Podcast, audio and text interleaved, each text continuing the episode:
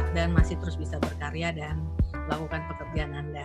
Walaupun kita sama-sama masih dalam hmm, situasi yang serba terbatas. Saat ini kembali dengan saya Titi di podcastnya Koran Jakarta yang terus akan menghadirkan uh, tamu-tamu yang bisa menginspirasi kita dan kita bisa mendapatkan satu insight yang menarik.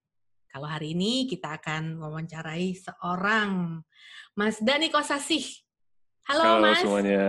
Halo. Apa kabar? Baik kabarnya. Terima kasih mm-hmm. Mbak Titi atas undangannya dan juga terima kasih Koran Jakarta.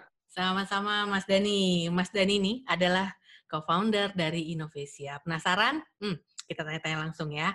Mas Dani, uh, nih ya. melihat situasi yang sekarang nih kita semua uh, kalangan ekonomi mana pun hmm. semua dilanda COVID-19 gitu ya. Banyak orang yang ternyata sekarang bergerak membuat alat pelindung diri. Ya gitu ya. Menurut Mas Dani ini apakah gerakan ini memang hanya untuk bertahan hidupkah atau kemampuan membaca peluang malahan? Saya rasa dua-duanya ya. Hmm. Karena pertama uh, di masa krisis kita harus bisa bertahan dulu, hmm. survival ya. Kemudian setelah itu bagaimana kita bisa menangkap peluangnya. Yang penting adalah um, dalam melihat peluang ini kita juga melihat besaran kebutuhan nih dari masyarakat. Mm-hmm. Bisa jadi sekarang misalnya alat proteksi dini dibutuhkan oleh para nakes atau tenaga kesehatan untuk menangani pasien yang terkena COVID-19. Mm-hmm. Nah, tapi ke depannya ini bisa bertransformasi, pakaiannya itu bisa juga menjadi fashion, ya. Itu kan bisa jadi peluang tuh ya ke depan. Mm. Dengan kalau nanti ya semoga secepatnya PSBB dan juga keadaan misalnya bisa kembali lagi kita uh, keluar dari rumah gitu hmm. untuk melakukan kegiatan ekonomi, kita harus tetap melindungi diri kita. Nah, di situ ada banyak peluang. Dari salah satunya adalah tentang alat proteksi dini yang kalau dipakai tuh nyaman, hmm. enak dilihat, punya fungsi yang juga sama seperti standarnya alat proteksi dini yang dipakai oleh para tenaga kesehatan. Jadi hmm. saya rasa dua-duanya. Dimulai dari survival dulu, kemudian masuk ke dalam peluang pasar yang bisa diambil. Hmm, hmm, hmm, hmm. Kalau menurut Mas Dani nih, uh, kalau tadi kan contoh langsung teknis gitu ya Mas ya, inovasi apa nih uh, yang disarankan dalam uh, menjalani bisnis di masa pandemi seperti saat ini, Mas Dani? Baik, ini um, beberapa kali saya melakukan webinar dan juga ada konsultasi dengan para klien, nggak hanya korporasi tapi juga usaha kecil menengah gitu ya. Hmm. Nah, yang saya lihat sekarang adalah soal bagaimana berinovasi dalam bisnis modelnya. Hmm. Jadi harus bisa mengadaptasi atau mengadopsi itu yang pertama. Hmm. Adaptasi itu maksudnya apa? Adaptasi berarti ya sekarang kita coba lihat dari sisi operasional perusahaan hmm. atau UKM, kira-kira apa saja yang masih bisa berjalan. Karena misalnya keterbatasan tidak bisa langsung orang datang untuk restoran ya, kalau misalnya UKM gitu, hmm. dan juga tidak bisa langsung uh, beli di tempat ya. Jadi itu semuanya sudah harus mengadaptasi dengan misalnya delivery atau hmm. pengiriman. Nah, yang lainnya untuk mengadopsi. Nah, jadi kalau misalnya kita udah memakai sistem online pengiriman, hmm. bagaimana caranya kita bisa mengadopsi juga untuk pembayarannya, tidak hmm. lagi melalui cash tunai, dan itu bisa menghilangkan uh, resiko ya untuk kontak langsung dengan misalnya uh, virus COVID. Jadi itu semuanya serba cashless gitu. Mm-hmm.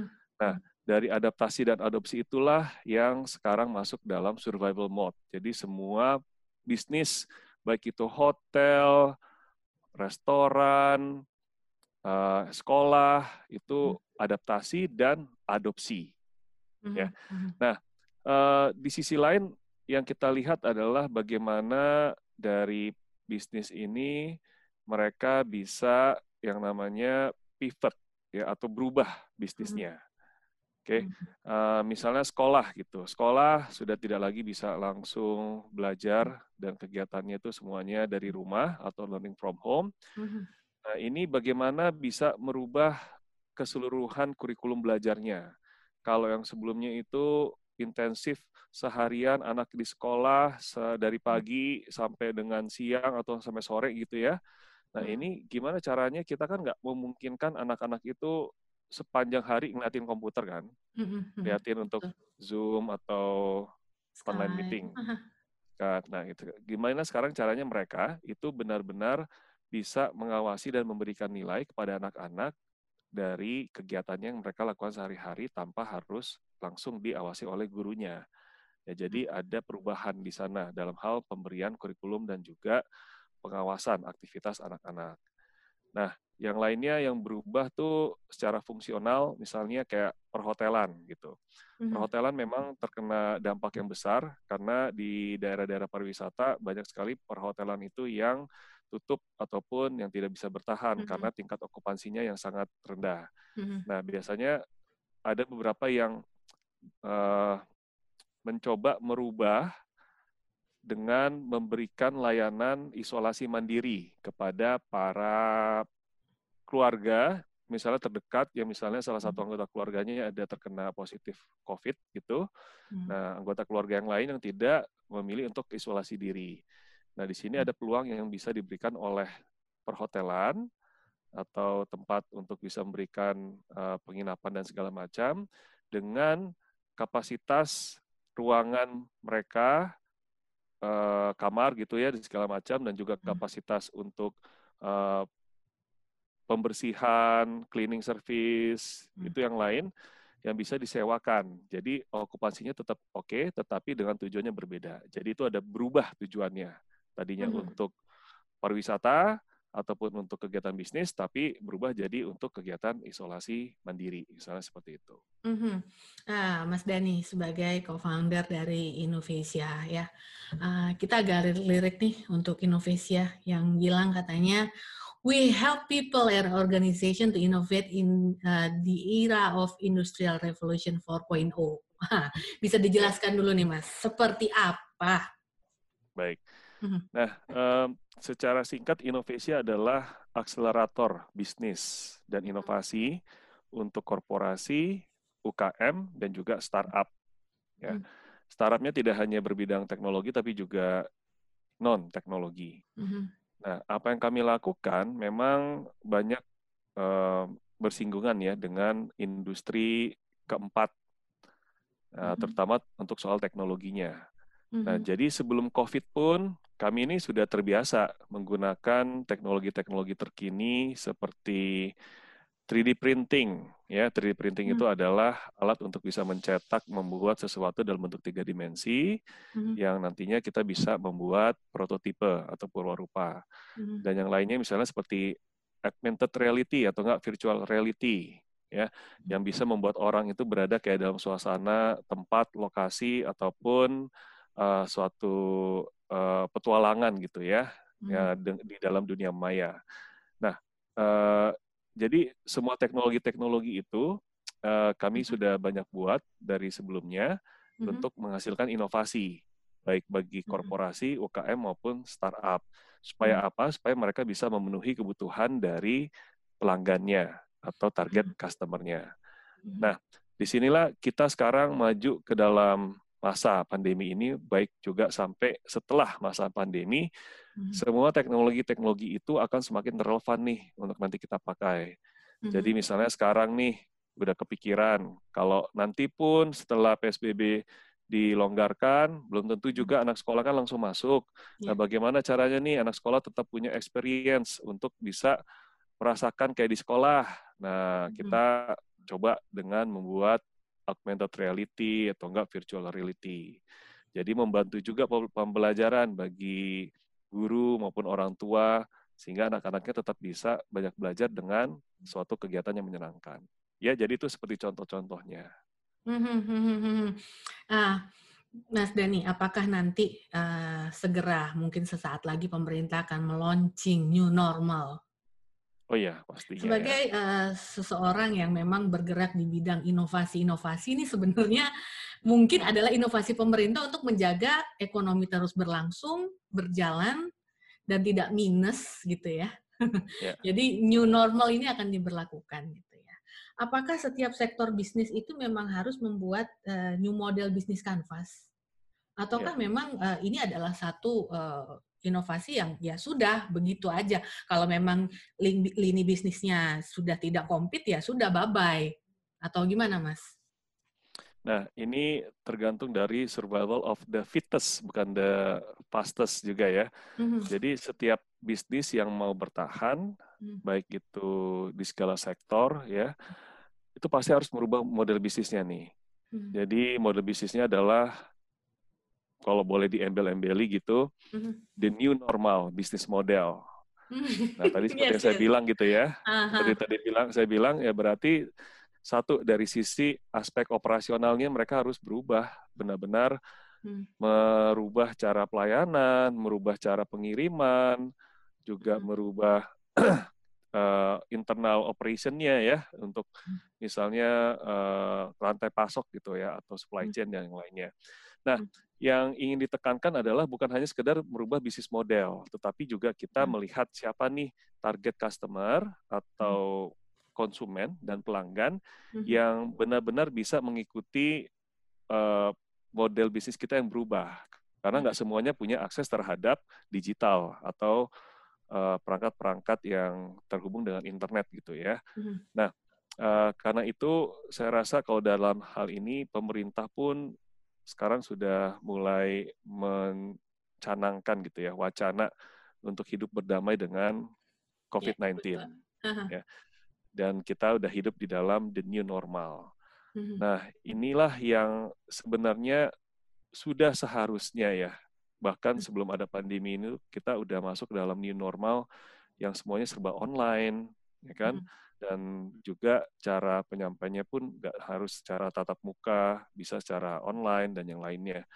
Makanya itu eh, yang kami ingin tekankan adalah mau nggak mau ya udah kita memang benar-benar sekarang udah ini normal nih dan kita harus bisa bertahan dan juga bahkan lebih daripada itu menggali peluang dan juga bahkan mengeksploitasi peluang tersebut mm-hmm. ya supaya bisa muncul nih sebagai uh, bukan hanya survival tapi juga mm-hmm. yang menjadi juara gitu ya setelah masa krisis. Apalagi setiap krisis itu pasti akan ada selalu ada ya namanya bisnis baru, kemudian juga uh, juara usaha baru ataupun konglomerat hmm. baru. Ya ini selalu terjadi. Dalam hmm. krisis-krisis sebelumnya juga kayak krisis finansial segala macam pasti ada selalu orang kaya baru gitu ya. Uh, peluang pasar baru macam-macam. Ini tergantung bagaimana kita menyikapinya gitu uh, Mas Dani bicara dari hal yang nggak umum sekarang seperti yang sekarang kita lakukan interview biasanya uh, uh, apa uh, datang gitu ya kita ngobrol gitu. Sekarang semua sudah menggunakan digital gitu ya. Termasuk juga dengan education uh, sekarang banyak yang uh, melakukan seminar-seminar baik yang uh, apa namanya baik yang seminar terbatas ataupun yang bisa diikuti oleh semua orang itu via digital gitu. Kalau menurut Mas Dani ke depan apakah webinar-webinar seperti itu akan terus berkembang atau mungkin nanti setelah new normal dia akan stop? Nah, menurut saya malah justru akan lebih penting ya mm-hmm. untuk uh, webinar ini terus berjalan. Mm-hmm. Nah, saya pun sebelum krisis ini ikut hmm. banyak webinar hmm. dengan para uh, tokoh-tokoh bisnis terkemuka dari luar negeri gitu ya. Mm-hmm. Yang sulitnya tuh hanya karena jam waktunya berbeda aja misalnya webinar dari Harvard University gitu ataupun mm-hmm. dari uh, yang lainnya gitu. Ikutan dan ada yang gratis, ada yang bayar.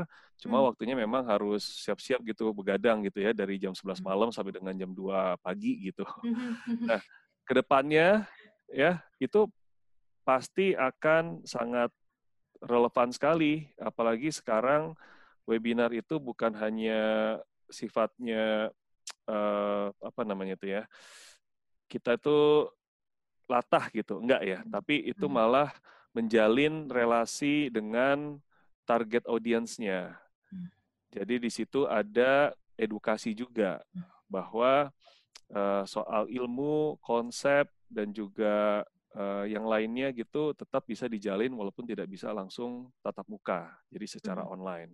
Hmm. Nah, uh, yang pasti sih sebenarnya untuk menjalankan webinar tuh juga berbeda ya kalau misalnya kita melakukan misal uh, misalnya seminar langsung gitu. Mm-hmm. Nah jadi uh, keahlian mengoperasionalkan video conferencing seperti mm-hmm. sekarang, yeah. terus juga bisa memberikan materi yang menarik tanpa mm-hmm. orang bisa bosan selama waktu lebih dari 30 menit, mm-hmm. ditambah lagi dengan bagaimana caranya tetap bisa engage gitu dengan audiensnya. Nah, itulah yang harus dipikirkan dan punya seninya tersendiri gitu, berbeda dengan seminar-seminar yang lainnya.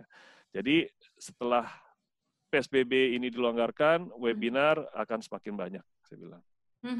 Uh, Mas Dani, uh, Mas Dani, kalau ditanya nih Mas terkait sama sekarang ini kan banyak banget orang bikin-bikin startup itu maksudnya sebelum masa pandemi ini ya, itu cenderung tuh yeah. cari investor gitu ya. Hmm. Sementara sekarang banyak investor tahan nih yeah, untuk yeah. bisa spending money-nya ya kan. Apakah masih relevan sampai dengan sekarang uh, untuk uh, mendirikan startup-startup? Nah, uh, sebenarnya memang kita lagi di masa uh, kritis untuk pendanaan startup ya. hmm. ya karena balik lagi tadi dibilang oleh Mbak Titi bahwa investor lagi nahan duit karena mereka yes. sendiri mungkin butuh cash flow ya. Uh -huh. Terakhir kali kita mendengar berita bahwa SoftBank itu rugi sampai dengan lebih dari 13 billion US dollar. Wah itu hmm. Berapa ratus triliun gitu ya. ya, ya. Tapi itu karena memang kejadiannya dari salah satu startupnya dia, itu WeWork itu memang sebelum pandemi juga valuasinya udah turun jauh karena skandal yang dilakukan oleh CEO-nya. Hmm. Ditambah lagi banyak uh, dari portofolionya si SoftBank itu juga sekarang mengalami krisis seperti Airbnb dan uh, Uber apa segala macamnya gitu ya. Mm-hmm. Kalau tidak salah mereka juga dalam portofolionya si SoftBank. Mm-hmm. Nah, uh, pertanyaannya kalau sekarang nih uh, relevan nggak sih kalau kita mm-hmm. mendirikan startup? Yeah. Sebenarnya masih tetap ada relevansinya, mm-hmm. tapi kita harus pandai melihat peluang sektor apa yang justru ke depannya tuh akan sangat dibutuhkan gitu. Oke, hmm. pertama misalnya ya soal kesehatan.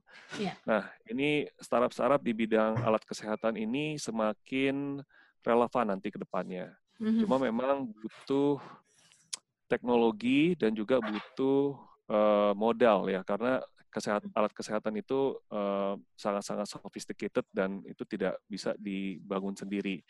Nah, baru-baru saja ini pemerintah meluncurkan beberapa inovasi alat kesehatan dan bahkan hari ini Kompas hari ini pun oleh Pak Menteri Ristek dan BRIN ya. Pak Bambang Brojonegoro itu menuliskan sebuah artikel di sebuah koran nasional itu tentang inovasi alat kesehatan.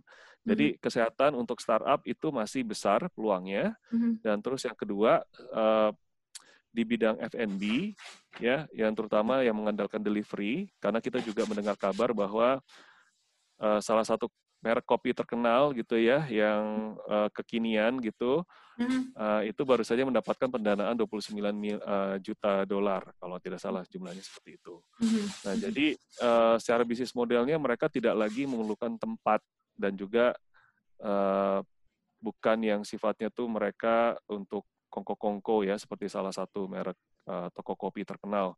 Yeah. Jadi dengan mengandalkan delivery pengiriman. Nah, inilah yang bisa dieksploitasi nih oleh para startup-startup. Bagaimana hmm. caranya untuk bisa melihat peluang yang sesuai dengan zaman dan kebutuhannya sekarang ini gitu. Mm-hmm. Dan investor pun pasti pasti sekarang juga milih-milih ya. Mereka menahan duit, tapi juga mereka harus ngeluarin duit karena investor itu kan ada lagi di atas yang nanamin duitnya buat mereka. Jadi nggak mungkin mereka duitnya itu dianggurin aja gitu ya. Bahkan sekarang mereka melihat mungkin secara valuasi bisa nih uh, dapetin atau beli ataupun nanam uang dengan harga yang murah. Maksudnya apa? Misalnya karena uang ini sulit dicapai, sekarang mungkin startup udah ngasih diskon lah, misalnya dengan pendanaan sekian, dia bisa mendapatkan persentase sekian gitu. Nah hmm. jadi uh, investor pun pasti akan milih-milih nih startup mana yang masih bisa bertahan setelah pasca pandemi ini. Hmm, Mas Dani cerita tadi oke okay lah ya uh, startup yang mungkin disarankan untuk bisa dibangun lebih lagi di masa pandemi ini adalah alat kesehatan, kemudian juga F&B yang kelihatannya sebenarnya masih uh, apa namanya itu masih naik lah trennya gitu ya. Di satu sisi berarti ada dong ya uh, uh, apa namanya yang downtrend. Yang apa sih yang downtrend mas? Downtrend itu ya seperti uh, tadi perhotelan gitu ya, mm-hmm. uh, Airbnb, Airy juga mm-hmm. udah baru tutup ya kan. Mm-hmm. Um, kemudian um, untuk transportasi yang one, sorry, ride hailing app itu seperti mm-hmm. ya kita sebut mungkin mereknya kayak Gojek, Grab dan juga kalau di luar negeri itu Uber juga lagi terkena uh, krisis karena peraturan yang tidak memungkinkan untuk membawa penumpang ya walaupun di sini agak longgar gitu mm-hmm. dan yang lainnya itu yang menurun uh, seperti tadi ya pariwisata ya startup bidang mm-hmm. pariwisata mm-hmm. kemudian juga uh, di bidang apa lagi ya saya lupa sih tapi ya itulah berapa yang yang memang benar-benar kelihatan sekali sih dampaknya sekarang mm-hmm. ini Uh, Mas Dani terakhir nih untuk uh, Jakarta yang mungkin saat ini sudah mulai berpikir nggak apa-apa deh pandemi-pandemi ini gue bangun deh startup deh. Saran apalah tiga aja yang harus tetap konsisten dilakukan untuk menjaga keberlangsungan startupnya tetap ada gitu. Silakan Oke. Mas Terima kasih. Oke, jadi tiga sarannya yang pertama adalah uh, cari tahu dulu nih siapa target customer-nya. Jadi uh, lihai-lihai untuk melihat target pasar yang punya peluang besar untuk kita ladeni, mm-hmm. ya. Seperti tadi misalnya untuk uh, orang yang nanti setelah pandemi ini akan memakai uh, alat proteksi dini tapi secara modis ya itu misalnya sebagai profil dari salah satu target pasar yang mau dituju. Mm-hmm. Nah, terus yang kedua kenali kebutuhannya seperti apa yang diinginkan dan uh, bagaimana mereka bisa bereaksi terhadap uh, penawaran yang kita mau kasih ke dia. Nah, yang ketiga adalah ciptakan penawaran yang benar-benar bisa memenuhi kebutuhan tersebut.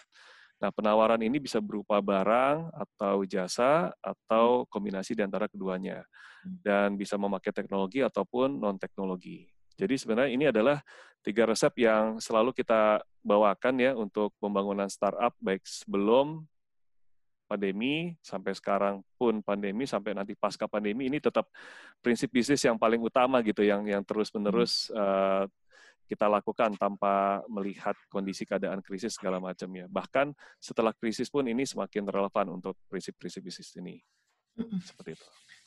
Bahkan nanti berarti setelah new normal masih terus akan tetap konsisten dengan prinsip ini gitu ya Mas Dani?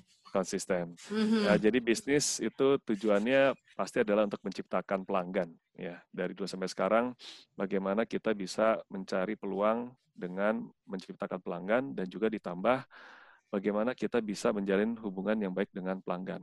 Kalau tidak ada itu, tidak akan ada bisnis. Mhm, mhm. Oke Mas Dani, terima kasih buat interviewnya. Sukses terus, sehat terus. Salam buat teman-teman di Indonesia. Terima kasih untuk iya. Jakarta ya. juga, untuk orang Jakarta. Mbak Titi, terima kasih semuanya. Terima kasih. Oke Jakarta, demikian interview kita dengan Dani Kosasi, co-founder dari Indonesia. Saya yakin Anda bisa mendapatkan informasi yang menarik dan juga insight yang menarik saya Titi undur diri. Selamat siang, bye. Selamat siang semua. Bye. Dani. Halo.